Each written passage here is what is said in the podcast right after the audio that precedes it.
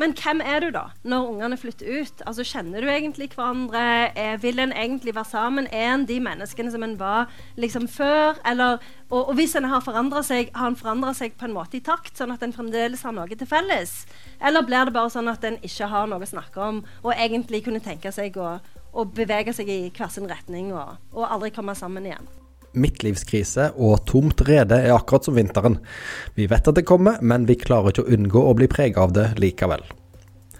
I den nye boka 'Vinterferie' skriver Janne Stigen Drangsholt om det å få barn som flytter ut, partnere med kajakk-hangup, og den tvilsomme gleden ved det å dra på ferie med storfamilien.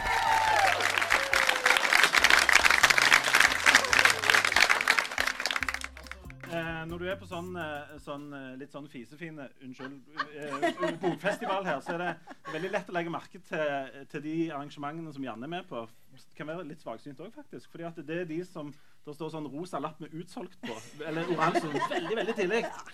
Men um, ja, ja. Det er veldig stas og veldig kjekt med alle som har kommet, fordi jeg vet at når jeg bare tar over for deg. Ja, jeg kan gå hjem. Eh, fordi klokka tolv på lørdagen virker jo i utgangspunktet som et litt sånn OK tidspunkt. Men når du skal stå opp og spise frokost og få ting til å gå i hop, så er det veldig vanskelig å klare å komme seg hit. Så tusen takk. veldig kjekt. Det er helt sant. Det er jo um, det er kjekt å høre, men folk bruker det som en unnskyldning for å begynne å drikke tidlig. Ja, det er sant. Vi kan jo bare være ærlige. Dette går. Det, er jo ikke sånn at noen tar opp her uansett. Nei. Nei. Okay. Ja. Og hvis de gjør det, så har de jo ikke råd til å ja. Nei, um, uh, veldig kjekt å, uh, å, se dere uh, alle sammen. Bare ta en, en liten test først. we are the world. Dette, dette, er litt, dette, er litt, sånn bekymringsfullt, fordi det er åpenbart ganske mange roboter i salen. Og, og, det er jeg alltid forberedt på. Ikke sant? I tillegg til at det er noen halvautomater på første rad her. Det, var noen som kjente seg veldig truffende. Um, uh, jeg måtte bare teste litt sånn om, om kodene liksom fungerer. For det er den We Are The World, en sånn test for om hvor dypt inni dette universet til Janne uh, du er. sant? Og mange her svarte jo rett på det spørsmålet mm. og er mennesker. Mm. Mens de som nølte litt, er Kanskje. De er replikanter. Ja. Eventuelt at de har lest den engelske versjonen. For der fikk jeg jo ikke lov å bruke We Are The World pga. Eh, familien Jackson. Fordi at eh, sånn Copyright-regler er jo så enormt strenge i USA. Så de var, var jo veldig sånn Ja, eh, hva, eh, hva, kan du bruke istedenfor We Are The World? Det er jo sånn, Nei, jeg kan ikke bruke noe. Fordi det er kjempeviktig. For det, jeg vet ikke om dere husker det, men I den første boka er det jo òg at du siterer fra We Are The World når hun skal prøve å komme seg ut av russisk fengsel, som jo er det verste plassen på jord.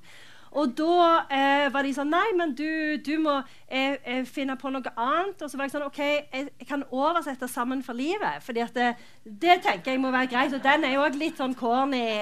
Og kjent i engelsk. Eh, ja. det var det jeg òg tenkte. Og så, og så, var de sånn Nei, men nei, nei, vi kan ikke bruke 'Sammen for livet'. For det er liksom de samme copyright-reglene for norske sanger. Og så var jeg sånn Ja, OK, hva kan vi For da begynte jeg å bli litt sånn sur. Eh, så hva kan vi bruke da? Så de var sånn Ja, vi har et kjempegodt forslag. Hva med De tre musketerer? Eh, at liksom at det Ingrid skulle si sånn én for alle, og så skulle Bjørnar si alle for én. Og da bare kjente jeg fikk så mye oppkast i munnen at jeg klarte ikke å konsentrere meg lenger. Og så var jeg sånn Nei, uff, vi kan ikke ha det. Så de sånn OK, men du må finne noe som ble skrevet før 1884. liksom, For det er det årstallet som er grensa. Og da bare kjente jeg jeg hadde ikke noe lyst til å gi den ut på engelsk lenger. Um, og så til slutt så ble det Det ble Hamlet, liksom.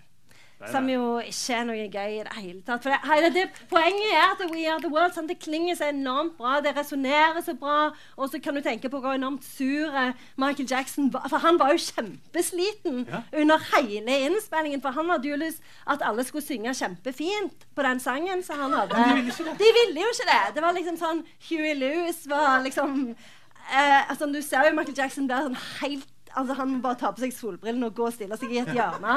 Han synger der borte. Ja. Det er kjempeteit.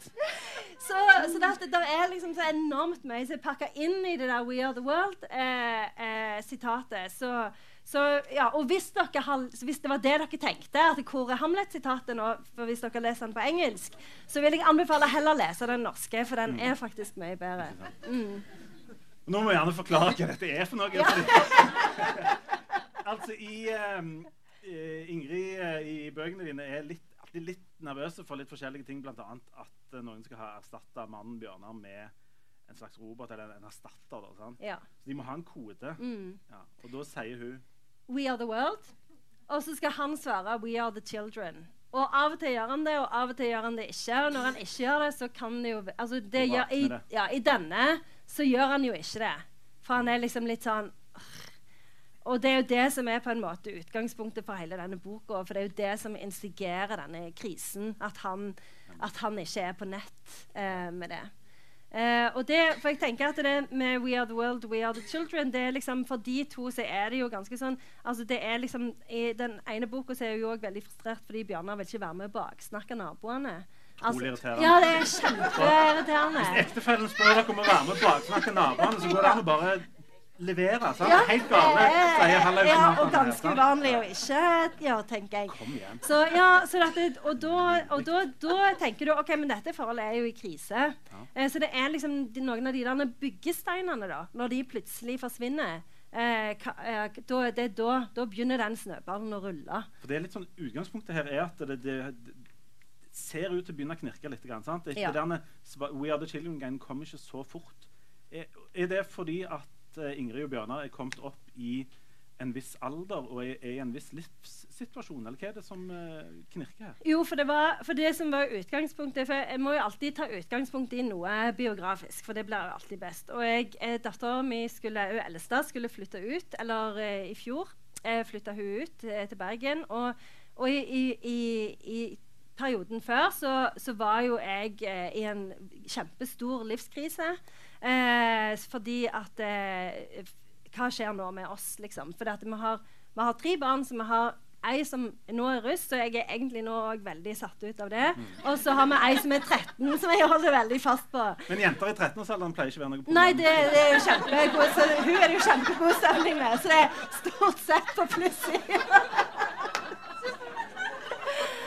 Og så, og så Jeg har ei på 16 hvis noen vil ha ei på 16. La, unnskyld. Er De svarer ikke på det spørsmålet We are the world, for å si det sånn. Ja. Og jeg kjenner jo jeg er veldig sliten. også veldig er vi overgangsalder. Hvorfor er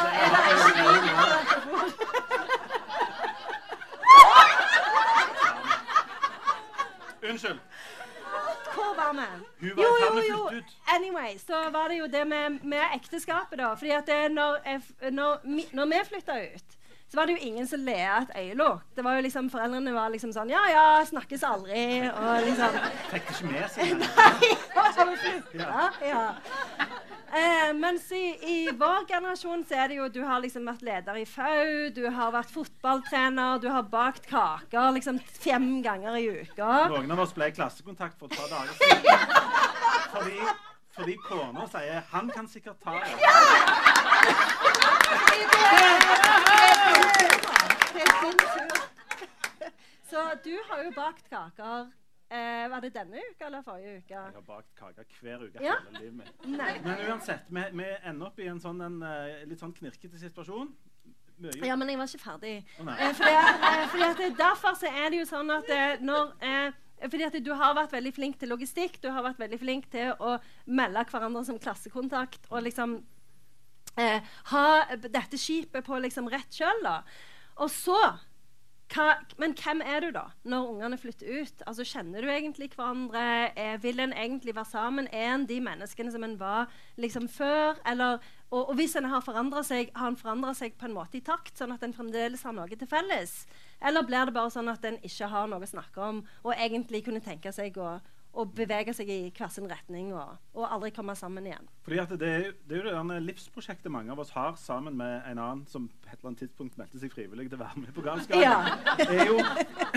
Du, du driver med litt sånn Du studerer litt, og så har du noen Og så, og så blir du Får du gjerne et hus og sånt, og så smeller du på et par unger. Og så sier altså De neste 20 åra sier seg litt sjøl hva det er du skal holde på med. sant? Det, det er prosjektet. Mm. Og så, og så av og til så reiser du til, til, til London eller til Mandal, og så får du klint litt med kona. og sånt. Og så, men, men prosjektet er knytta til disse ungene som Ja. vi må holde på med. å være klassekontakt og kjøre og, og, og, prøve å lære om verden og sånt. Um, og mange av oss har jo vært, vært gjennom alt det der greiene, og så begynner det på et eller annet tidspunkt å gå litt mot slutten. Og det er, um, det er jo da midtlivskrisene våre ja. kommer. sant? Eller, men det er en krise i seg sjøl, det der at ungene forsvinner. Mm. For vi vet ikke hvem vi skal holde på med. sant? Nei, det er nettopp det. Skal vi, gå og se Salami? Ja, det er jo nettopp det. Altså, det, er det, du, det, er jo det på en måte du må. Jeg var jo på sånn aldringspanel i går, eh, og da snakket jeg med og da snakket jeg med en som heter Runar, som er eh, specialist. For han er litt gammel, og han er utdanna Han er sånn gerontolog, eller ja. Anyway, han var veldig sånn Ja, eh, fram til 50 så er det paringstid, kalte han det. Og, og da liksom så, så får vi snakket ja. Og han sa liksom at, at eh, altså du eh, eh, Du er gammel når andre må ta vare på deg. Så mellom 50 og at du er gammel, da, så må du på en måte make something happen. Og da snakket han veldig, da er det veldig viktig eh, at eh, eh, du ikke fokuserer for mye på deg sjøl, for da er det liksom etter hvert kan du begynne å kjenne etter. Sånn, å, kanskje liksom jeg, kanskje jeg, da, jeg, har vondt, jeg har litt vondt i hjertet, kanskje jeg har hjertefeil eller noe. Og det er jo litt det samme Det er jo litt det samme med Ingrid Winther. Du må ikke kjenne for mye etter. Det, det, det, gå, det, er jo derfor du må gå og se Silommi. Ja. Men det er, jo, det er, jo, litt det samme med Ingrid Winther. Selv om de ikke liksom begynner å bli gamle, så er det liksom det der med at det, ok, men hva skal vi bruke tida til? Og skal vi bruke tida sammen, eller skal vi bruke tida hver for oss? Eh, og jeg, jeg hadde òg lest en del bøker med sånn Du har lest veldig mange bøker, sikkert over 100? Jeg har lest og jeg hadde f.eks. lest denne, de derne bøkene til hun Deborah Levy og bøkene til uh, Elizabeth Strout om Lucy Barton. Og i begge de bøkene så er det jo kvinner som blir sånn rundt 50, og så har ungene flytta ut. Og så tenker de ja, men jeg har lyst til å være for meg sjøl. Jeg har liksom ikke lyst til å drive dette prosjektet lenger. Jeg har lyst til å eh, være for meg sjøl og gjøre ting som jeg har lyst til. Uh, så, så jeg, jeg, tenkte på det. Eh, men, men, i denne boka så, så, er det jo ikke sånn at det er Ingrid som vil ut. Det hun tror at Bjørnar vil ut. Eh, og det manifesterer seg i denne forhatte kajakken som det er bilde av på, på framsida. For han blir veldig opptatt plutselig av kajakking. og det, det, så det er den som blir på en måte den der symbolet på dette forholdet som kanskje rakner. Skal du lese litt grann, fra denne boka som noen av oss har lest sjøl, men som uh, ja, er greit å komme litt i, i, stemning. Skal du begynne helt på begynnelsen? Ja. Er ikke det, er ikke det naturlig? Stilig. Ja. ja. Um, jeg uh, Nå ble jeg usikker på Er ikke, er ikke begynnelsen bra, bra nok? Jo, jeg syns begynnelsen. begynnelsen er ikke verre enn resten. Hva leste du? Det hele begynte da Harry Potter døde. Det logrette vesenet med total tilstedeværelse som livsmotto forsvant fra verden midt i romjulen. Uten forvarsel og pga. noe veterinæren kalte magedreining. Sorgen var ikke håndterbar. Barna gråt, og Bjørnar tok til å vandre hvileløst rundt i huset med hundehalsbåndet i hånden. Jeg for min del ryddet vekk Harrys jordiske eiendeler og la dem innerst i kortet. Hva skulle man gjøre? Noen ville kanskje reist til kysten. I en artikkel leste jeg at mot slutten av 1800-tallet ble folk i England slått av noe som ble kalt kystmani. Det var den gangen London-tåken var på sitt verste, og folk le, led av en hel haug andre helseplager som var forårsaket av rotteinvasjoner og skitne vannveier. Så de bare måtte ut til kysten for å puste, for å leve. Eller som en av eierne av de mange hvite kurhotellene skal ha uttalt De kommer hit for å dø. La oss gjøre døden vakker. Men det var ikke vi som døde, det var Harry Potter. Og hvor skulle vi dra? Vi bodde jo ved kysten. Vi måtte bare fortsette å leve et hundeløst liv. Situasjonen ble ikke bedre av at deler av dette livet måtte tilbringes i lag med storfamilien. Som f.eks. en søndag midt i januar da vi ble anmodet om å møte i familiemiddag hos foreldrene mine. Opprinnelig hadde de annonsert storstilt feiring av dobbel 75-årsdag, men under julefeiringen bedyret Erle at timeplanen hennes ikke åpnet for vestlandsbesøk i årets første kvartal. På et blunk ble dermed invitasjonen omdefinert til en normal søndagsmiddag som alle viste en normal grad av motvilje mot å delta i. Og det var derfor ikke uten en viss stolthet over egne forhandlingsevner at jeg satte meg ned ved middagsbordet med intet mindre enn én stykk ektemann og tre stykk barn. Senere smilte mamma mens vi sendte rundt et fat med poteter, kjøttkaker og grønnsaker. Skal vi ta et bilde av meg og alle de tre barna foran peisen?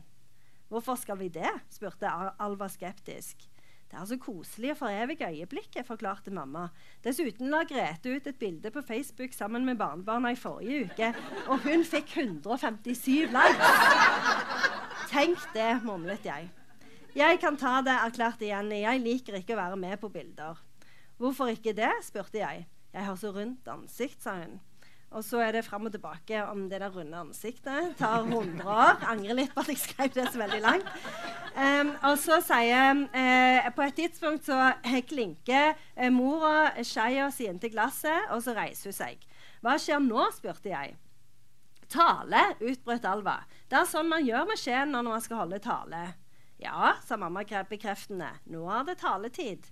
Som dere vet, hadde vi egentlig sett for oss en feiring i dag. En feiring av den doble 75-årsdagen til Toralf og meg. Det er mange år, det, Alva. 75 år. Kan du telle så langt? Alva nikket forvirret. Det ble dessverre ingen feiring i dag, fortsatte mamma med lett sorg i stemmen, siden Erle og godguttene ikke kunne komme. Men det betyr ikke at den er avlyst, for pappa og jeg Her tok hun en pause og festet blikket på hver og en av oss. Skal skal hva? spurte Jenny. Ta med oss alle til Italia i sommer, ropte mamma og slo ut med armene. Vi skal rett og slett feire livet og kjærligheten sammen med flokken vår. Flokken deres, gjentok jeg uforstående. Det var noe Grete skrev på Facebook, forklarte jeg. Under det bildet som fikk så mange likere. Hvorfor drar du Grete inn i dette? spurte mamma irritert. Grete skrev jo akkurat det du sa, sa pappa. Det med livet, og hva var det andre? Kjærligheten, sa Ebba. Og flokken, sa pappa. Det finnes ikke likt, konstaterte mamma kaldt. De reiste til Alicante. Og så Vi skal til Italia. Spanderer dere? spurte jeg. Nei, sa pappa. Til dels, presiserte mamma. Hvor i Italia? spurte Bjørnar. Roma, sa mamma nølende. Det er umoralsk å reise med fly, sa Jenny. Det er ikke bærekraftig. Jeg vil gjerne reise med fly, svarte Alva. Ja, nikket Ebba lojalt. Roma høres gøy ut. Og dessuten må vi ha verdens beste ferie, fortsatte Alva. For det er tross alt den siste sommeren du bor hjemme, Ebba. En svak fornemmelse av kvalme kom over meg, og jeg åpnet munnen for å trekke luft. Jeg har faktisk lest, informerte Alva, at 95% av den tiden foreldre har sammen med barna sine, deler, eh, deler, de med dem mens barna fremdeles bor hjemme. Vet du hva det betyr, mamma? Nei, sa jeg. Det betyr at du og pappa bare har 5% igjen med Ebba. Dere har brukt opp resten. Og det er jo nå Altså, etter det så er det jo bare og, og, jeg får jo meldinger fra folk hele tida som prøver liksom å motbevise for meg at de 95% at det er en regel. fordi sånn, Nå har jeg nettopp vært ei uke med mitt barn som har flytta vekk. Og da sånn, prøver de å regne ut hvor mye det er sånn prosentvis. Det, det, er Når du leser den boka her, når du kommer til den setningen der, det er da du hiver den boka i bakken og sier at dette gjelder de andre. Og så ser du bort på, på de du for øyeblikket er gift med. Til og med 16-åringen. Og, og, og, sier sånn at ja eh, Sånn blir det ikke hos oss. Her, dette, dette kan umulig stemme. Ja. Og så begynner du å regne, og så er det sånn ganske sånn deprimerende, deprimerende ting, dette her. sant? For det er um, det er et sjokk. Og, og, og, når du tallfester en sånn ting som det der, så er det ganske, det er ganske harde ting. Ja, det er det. Og så har du liksom og så er det jo dette her at du har hatt dette her havet med tid. Ja. Som liksom, sånn så det, Bare det der første leveåret til ungene virker jo så enormt lenge. Det går liksom så treigt. Og så plutselig er det over. Ja. Og så, de, og så har de jo masse venner de vil være med, og så blir de jo mer og mer selvstendige pga. at de har flytta vekk, og så vil de ikke reise på ferie. Og så bare blir det veldig mye å forholde seg til. Men, og dette har, alle, dette har, jo alle, som har vært igjennom de der tingene, fortalt oss mm. i detalj. Og det er skrevet eh, dikt og bøker og sanger om alt dette her. Og ja, du må ta vare på den tida du har. Og så tenker du at ja, jo, men herlighet. Og så plutselig så er du deg sjøl, mm. og, og, så får vi denne mursteinen i trynet. Absolutt alle. Mm. Eh, og det er, eh, det er vanskelig. Um, fordi at vi innser jo at dette er sant. på et eller annet vis, sant? Og når uh, den der Oh, fly, you are free, my child. Kom Altså, tilbake. kom, ja, ja. Det er med sånn som Vamp slår ned den fuglen. Dreper de der fuglene. Ser en sånn gyllen. Ja. Unnskyld. Ja. Vi skal ikke gå inn på det. Du, men uh, her er det jo en, eh, det er jo en kjernefamilie, og så er det jo òg verdens kanskje mest kompliserte organisme, nemlig storfamilien. Ja. Nå skal jeg bare se et lite skann i publikum og se om det er noe om mor mi eller svigermor mi eller noen av de. Jeg, Jeg vet mine foreldre ikke er der. Eh, Jeg ser ingen av dem. Vi kan snakke fritt. Dette, dette, det er jo ikke sånn at dette blir tatt opp. Um, det virker som om uh, det, en, av, uh, en av samfunnets uh, liksom, nye oppfinnelser er den der forpliktelsen til alle som blir 70 eller 75 år, om å ta med absolutt hele familien til Syden. Og eh, du må altså Ja, dere kan notere dere det. Alle når de blir 70, må ha spart opp ca. 370 000 kroner for å ta med hele storfamilien til Syden. Og den fortellingen om hvordan den turen gikk, har vi jo òg alle hørt. Og det er ikke sikkert det er en kjempegod idé. Nei, det er sant? ikke det. Fordi at kjernefamilie er vanskelig, men storfamilie viser seg jo Det er heller ikke så lett. Nei. Nei. Du skal begynne å blande inn søster og mor og onkler og sånt. Hvordan, eh, hvordan er, forholder Ingrid seg til den utvida familien her? For det er ikke lett. Nei, det er jo ikke lett i det hele tatt. Og jeg, synes jo, det, jeg hadde veldig lyst til å liksom forankre det i sosiale medier. At liksom, for dette, det er jo det som er på en måte sykdommen her. Fordi at eh, jeg tenker jo at det både det med at altså jeg synes det er så at, at den turen er forankra i at eh, mor har sett at Grete skal gjøre noe. Eh, og tenker ja, men dette, dette burde jo vi òg gjøre, uten å liksom ta hensyn til eh, liksom, eh, hvordan den, sin egen familie fungerer, og om de har lyst til å være sammen, eh, eller noen av de tingene. Eh, det er, synes jeg, det er jo ganske sånn symptomatisk. Og, og, og jeg, jeg, synes jo alltid, jeg blir alltid sånn imponert når, liksom, når jeg ser sånne store gruppebilder fra Italia eller hvor som helst med liksom, at det er storfamilien som er på tur, og at de har klart å liksom, få alle til å smile og, og hoppe liksom samtidig. Så, så, så, det, så jeg hadde lyst til å lage, eh, lage liksom sånn jeg hadde tenkt at den ferien hadde blitt da, hvis jeg sjøl skulle, skulle gjort det. For jeg trenger liksom eh, Jeg syns det, er det er vanskelig nok å dra med kjernefamilien. Om du liksom ikke skal ha For det er jo er, eh, en del relasjoner der òg som skal fungere. Sånn så jeg vet jo at min mann, f.eks. når vi er på ferie, eh, så må jo ikke han bli for sulten. Fordi og Jeg kan ikke si eh, jeg er også gift med din mann. Det er Ja. jo ikke Jeg kone som fungerer på samme måte. Ja. Ja. Så, så du, du må liksom Du må fylle på med litt mat hele tida. Har du sånn nødmat i tassen? Sånn, sånne Hva det heter Sånne multibar til litt nytt der. Ja, ja. ja, Ja. litt nytt. Og så sånne knekkebrød med sånn mystisk sånn smørost. Sant? Bare kan stikke til dem. Unnskyld. Det var Så derfor så syns jeg det er så imponerende at noen klarer altså, så Når du skal ha med noen sånne gamliser Ja. i, i tillegg, liksom, som gjerne ikke klarer å gå og, altså, der er, også, Derfor så syns, tenkte jeg vi topper det med å ta med onkel Jan i tillegg, som liksom ingen vet helt egentlig hvordan onkel Jan er i slekt, eller om han er i slekt. Uh, ja. Men onkel Jan får òg ansvar for det onkel Jan kanskje har minst anlegg for. Nemlig planlegging og logistikk. Ja, det jeg synes jeg er litt gøy, for det er jo, er jo litt sånn med ferie at folk har jo ikke et sånn et rasjonelt forhold til sine egne evner. Så det er jo ofte folk tror liksom at ja, men jeg kan finne restaurant. Ja. Og så tenker jeg sånn Det kan du ikke. eh, men, men det klarer ikke folk å skjønne. Vi reiser ikke på pakketur, for vi har det der med, med, vi har de evnene sjøl til å kunne sette sammen sånne sømløse reiser. Du kan det, sant? Men du, også Under dette her så ligger det jo eh, og ulmer det som er altså for Du har den der store familien, og så har du den kjernefamilien. Og så har du dette parforholdet. Ja. Og det er jo der um, Det på en måte er jo eh, Hvis det fungerer i, i sånne familiekonstellasjoner, så er det lettere få alt annet å fungere. Mm. Men her er jo Ingrid og Bjørnar i en situasjon der det, ting er litt usikkert. Uh, og det er litt sånn eh, De driver òg den der litt sånn voksendansen rundt hverandre. Den som liksom alle sånne sitcomer og sånt er, er tufta på. Nemlig at ingen spør helt, Mm. ingen svarer helt, og så går en litt rundt, og så eh, lager en en sånn flott eh, grobunn for litt sånn misforståelser og litt sånn at tankene begynner å spinne. Um, hva, hvorfor blir det sånn for Ingrid og Bjørnar? Jeg tror at det òg har litt med denne logistikken å gjøre. og Det var noe som jeg tenkte mye på når, hadde, når det var lockdown. Eh, fordi at da innså jo jeg på et tidspunkt at vi ikke, Jeg trodde jo vi snakket om følelser. Eh, for jeg er jo en person som har veldig tro på å snakke om, om ting. Men vi gjorde jo egentlig ikke det. Vi, vi, for vi hadde, liksom, vi hadde logistikken i boks, og ting liksom, følte at det fungerte. Men når vi kom hjem og var hjemme, og det var covid og ingenting skjedde, så innså jeg at vi, vi er egentlig ikke altså, vi, har, vi, er egentlig ikke der hvor vi er liksom er ærlige om ting som vi sier liksom at det går greit, eh, selv om det ikke gjør det. Eh, så, så, derfor så hadde jeg det går greit.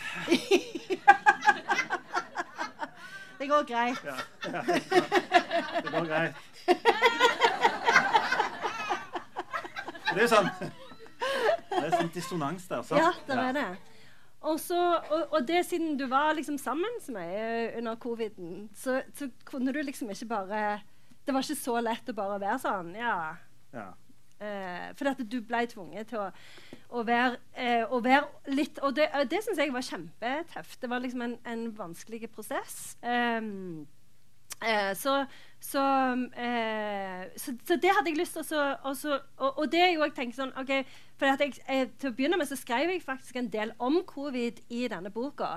Eh, men han, redaktøren min han var sånn OK, kan du bare kutte ut alt som har med covid å gjøre? For det er ingen som har lyst til å lese om covid. Så bare liksom dropp. Og det er faktisk sant. Det merker jeg jo sjøl. At når noen nevner Kovik, Kovik, som jeg kaller det, i en roman, så blir jeg så utålmodig. Jeg bare kjenner at jeg orker ikke å lese om det. Så det var et bra tips av ham. Men så derfor så tenkte jeg ok, men det er jo liksom litt det samme når ungene flytter ut. altså Du får jo litt den samme opplevelsen, for da blir du tvunget kanskje til å Du får endelig mye tid sammen. Ja, nemlig. nemlig. Og det, og det, går jo ikke Det er jo nettopp det.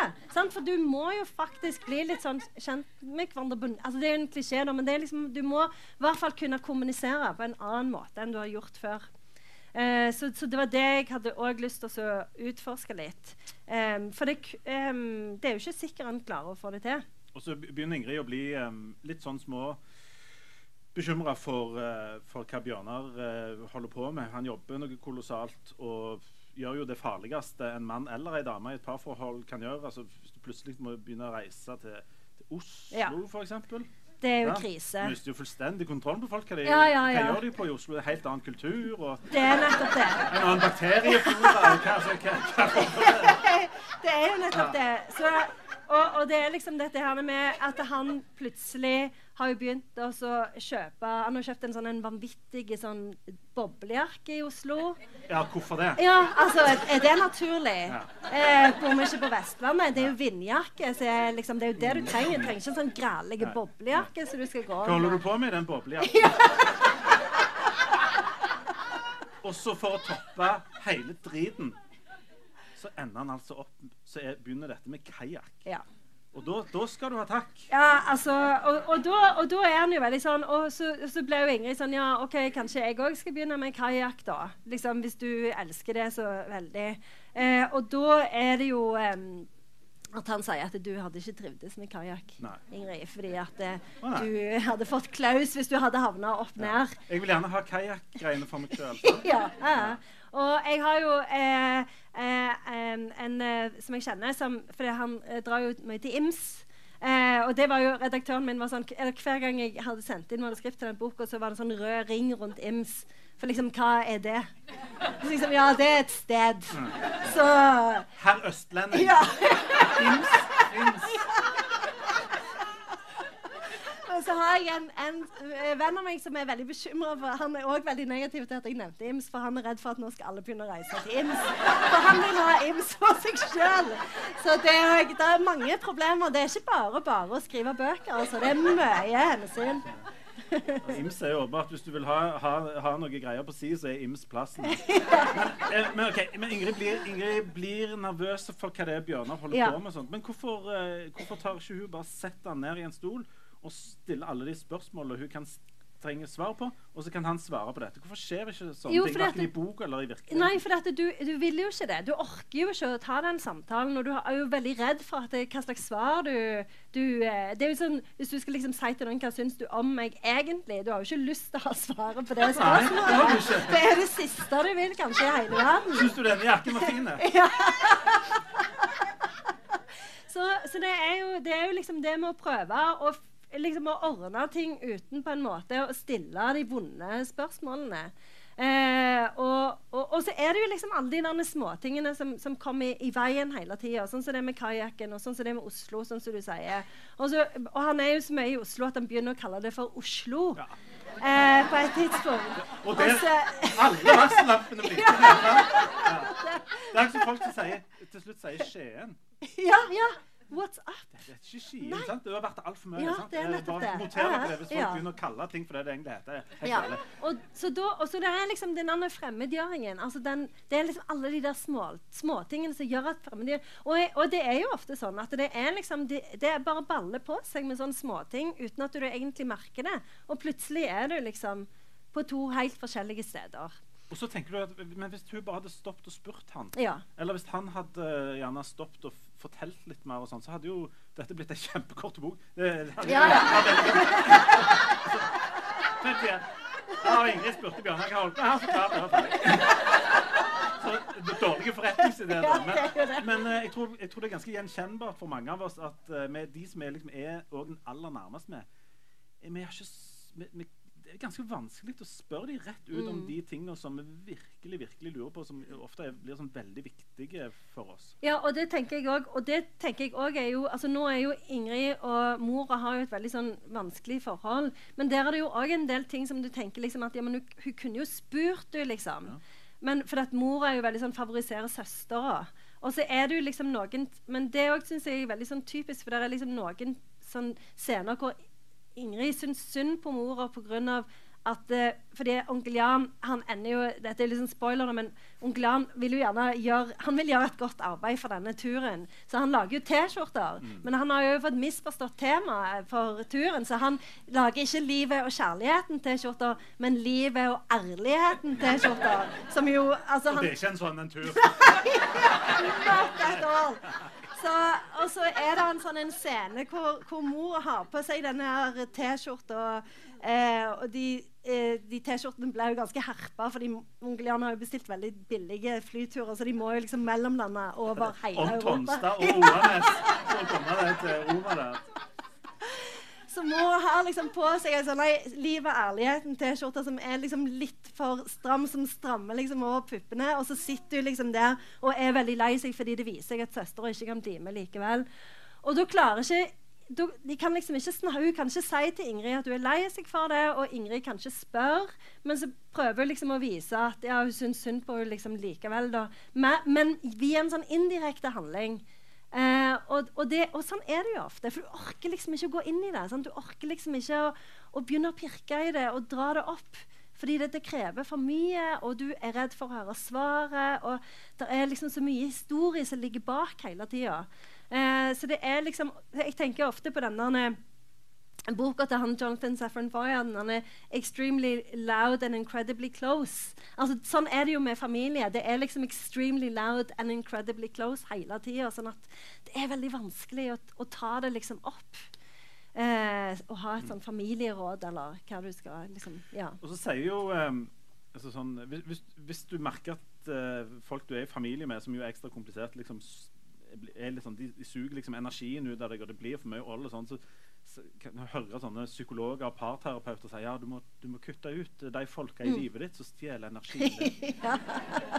Så tenker jeg, det, det jeg, får, jeg tenker det samme om de som til sånne sånne, du vet sånne kokker som sier ja, hvis du bare, hvis du bare tar denne eh, koljen, eller hva fisk det er, og så legger du den litt sånn på skross, så kommer ungene til å elske fisk. De folka der vet ikke hva de snakker om.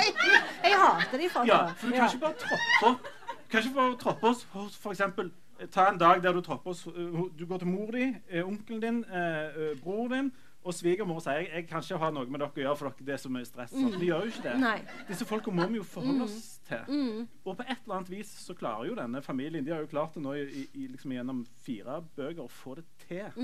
på et vis. Hva er det de gjør som eh, Spoiler igjen her, altså, men, men dette ordner seg jo på et eller annet vis. Ja, fordi at det, og, og, For nå mener vi kjernefamilien. Ja. sant? For storfamilien, det, det er Lost Project. Det Ja. fungerer jo ikke. det Altså, er kaosteori og ja, det er det. live and let die. Ja. Der kan til og med ikke Frode Tuen eh, hjelpe.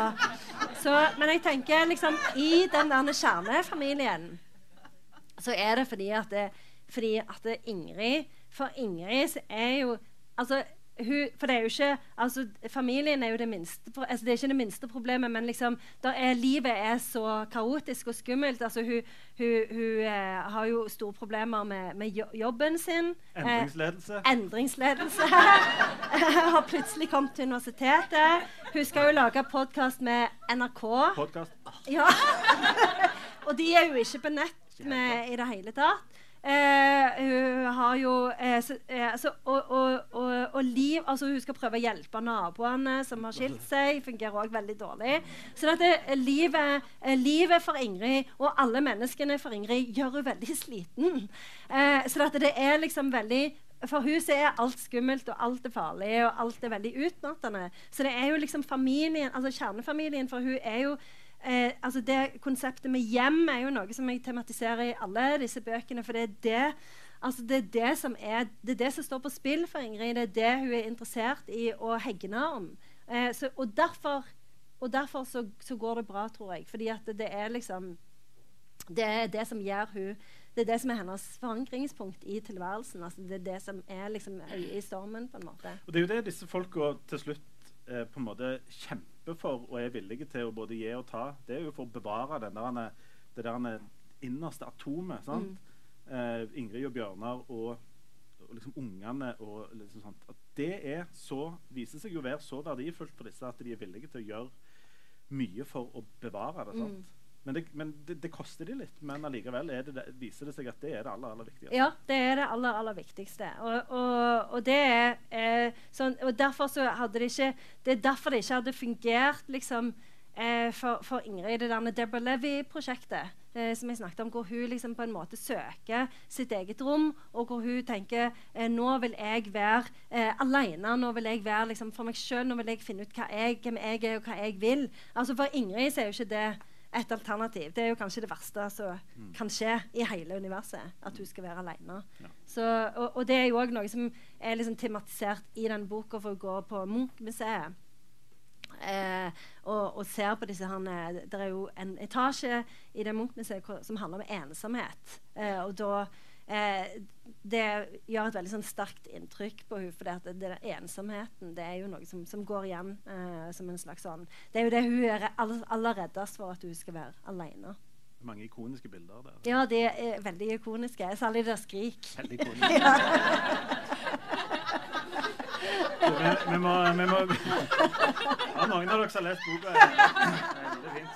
Særlig halvautomater på første rad er helt med.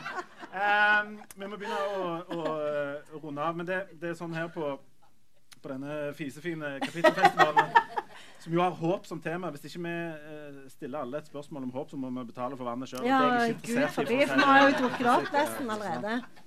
Um, det, er, er, er jo mange altså, Det er mye kriser og sånt. Dette vet jo, Du har jo også snakket om det at du har jo, kan jo være redd for alt mulig og, og få liksom hjertebank av ting som går galt, og klimakriser og krig og elendighet og sånt. Og, eh, sånt. Men har du noe forhold til, til liksom håp? At, er det liksom håp for oss og for folk og for Ingrid og for folk som kjøper kajakk og sånt? For folk som kjøper kajakk, nei. Eh, jeg ble litt sånn For jeg er ble, grenser. ja, sant? altså. Eh,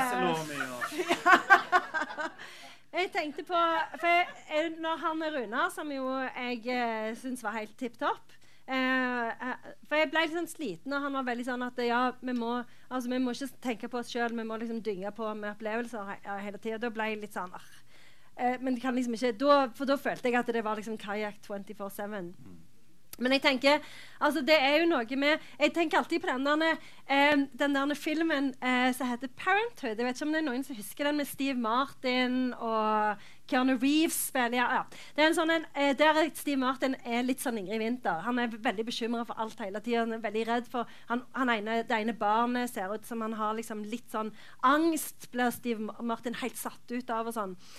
Og da er Mary Steenbergen spiller kona til Steve Martin, og hun er sånn ja, men eh, livet er Life is a rollercoaster, sier hun. Altså, Livet er en berg-og-dal-bane. Liksom, du må enjoy the ride. Og han, liksom, han, holder seg jo fast og er liksom bare blir skikkelig kvalmen av den der eh, eh berg-og-dal-banen. Men det er liksom det der med at livet er jo bevegelse. Og, det er jo, og vi har jo snakket, vi snakket om, i podkasten denne uka om Dante. Fordi I den guddommelige komedien, når Dante skal ned i dødsriket, så over inngangen til dødsriket så står det jo eh, 'Abandon all hope, who enter here'. Og det er jo det for døden er jo, og det tenker jeg, det er jo fordi døden er jo stillstand. Døden er jo stasis. Det er ingen utvikling eller bevegelse i døden. Eh, du er i den sirkelen som du liksom må være. I hvert fall i middelalderen. Håp her, ja, det. Så, så eh, jeg vil jo si for I middelalderen så var det jo veldig sånn Ja, der er håp. Du må hente liksom, inn dette. Ja. Nei, men jeg, jeg, så jeg har liksom tro på det der med at du på en måte skal prøve å elske den bevegelsen da, i livet. At det der er alltid håp i bevegelsen. Mm. At det liksom at du en kan liksom ikke um, ved, henge seg for mye til, i opp i det som har vært, liksom, men en prøver å omfavne det som er. Uh, og, og at, tenke at ja, men, det er jo spennende at det er bevegelse. Det så, lenge jo, det, så, lenge det, skjer noe ja, i livet vårt, så ja, er det liksom håp for uh, ja, sånn. Den dagen det, det ikke skjer noe som helst, da er det ferdig. Nei, for da er du jo i denne sirkelen i helvete. Og da er det tommelen det, okay, Altså, det var det glasset med vin. Eller tre for de som uh, OK, vi, vi, begynner å gå tom for tid. Um, jeg tror uh, du skal, skal, Kan du lese bitte litt til uh, før vi skal hjem, eller? Ja, jeg kan godt det. jeg har noe sånn som ikke noe om helvete eller Dante? Nei. har jeg noe som ikke handler om helvete? Ja, du må, må leie det veldig godt. Ja. Vi kan ta, mens du, mens du leter, så kan jeg se om folk har fulgt med. Um, her nå skal vi ha en liten Ja, her var det. det, var det, det ja, ja, ja. Okay, eh, fordi at det, dette er når du henter Bjørnar på flyplassen eh, når han har vært i Oslo. Det var mørkt da jeg kjørte for å hente Bjørnar på flyplassen. Så langt hadde også det nye året bestått av forhandlinger om fusjon med dette Oslo-firmaet, med det som mål å bli mer robuste og konkurransedyktige i et marked og en verden som var stadig mer uforutsigbar. Av samme grunn hadde han gått til innkjøp av Patagucci-markører utover den store dunjakken. Markører som tydeligere skulle demonstrere at han hørte hjemme i det øvre sjiktet av advokatstanden.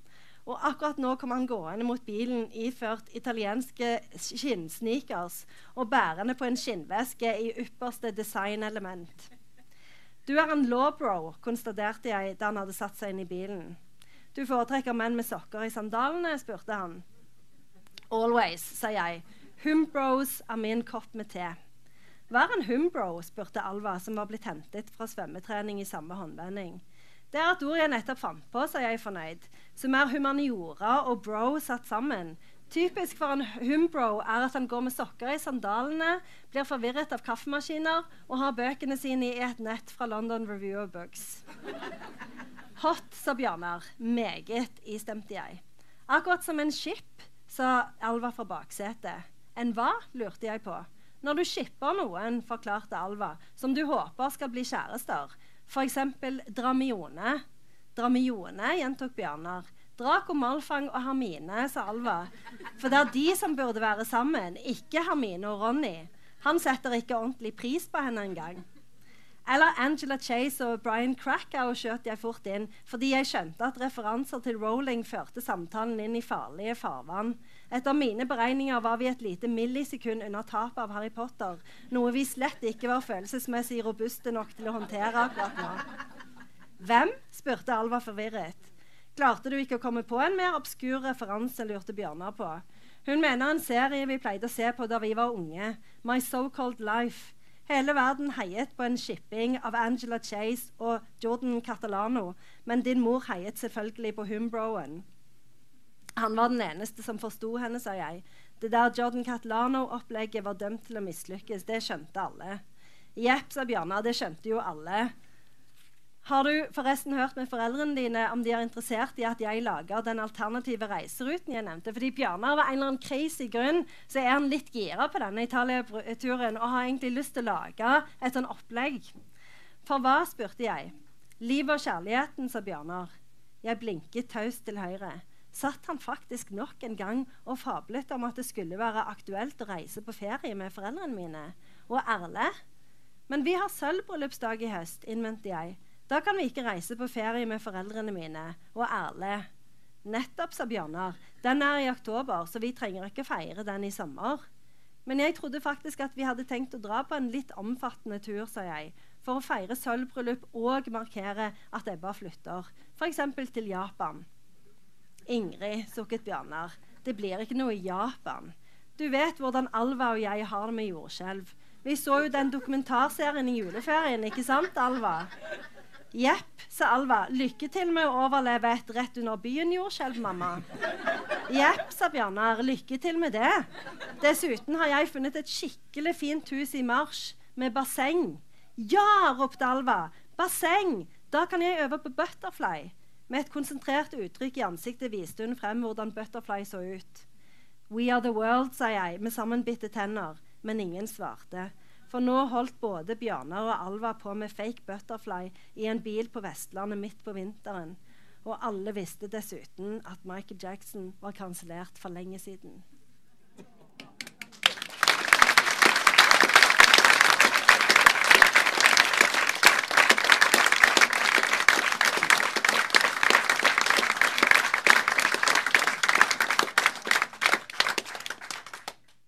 We are the world. Yes. Takk for i dag. Tusen takk.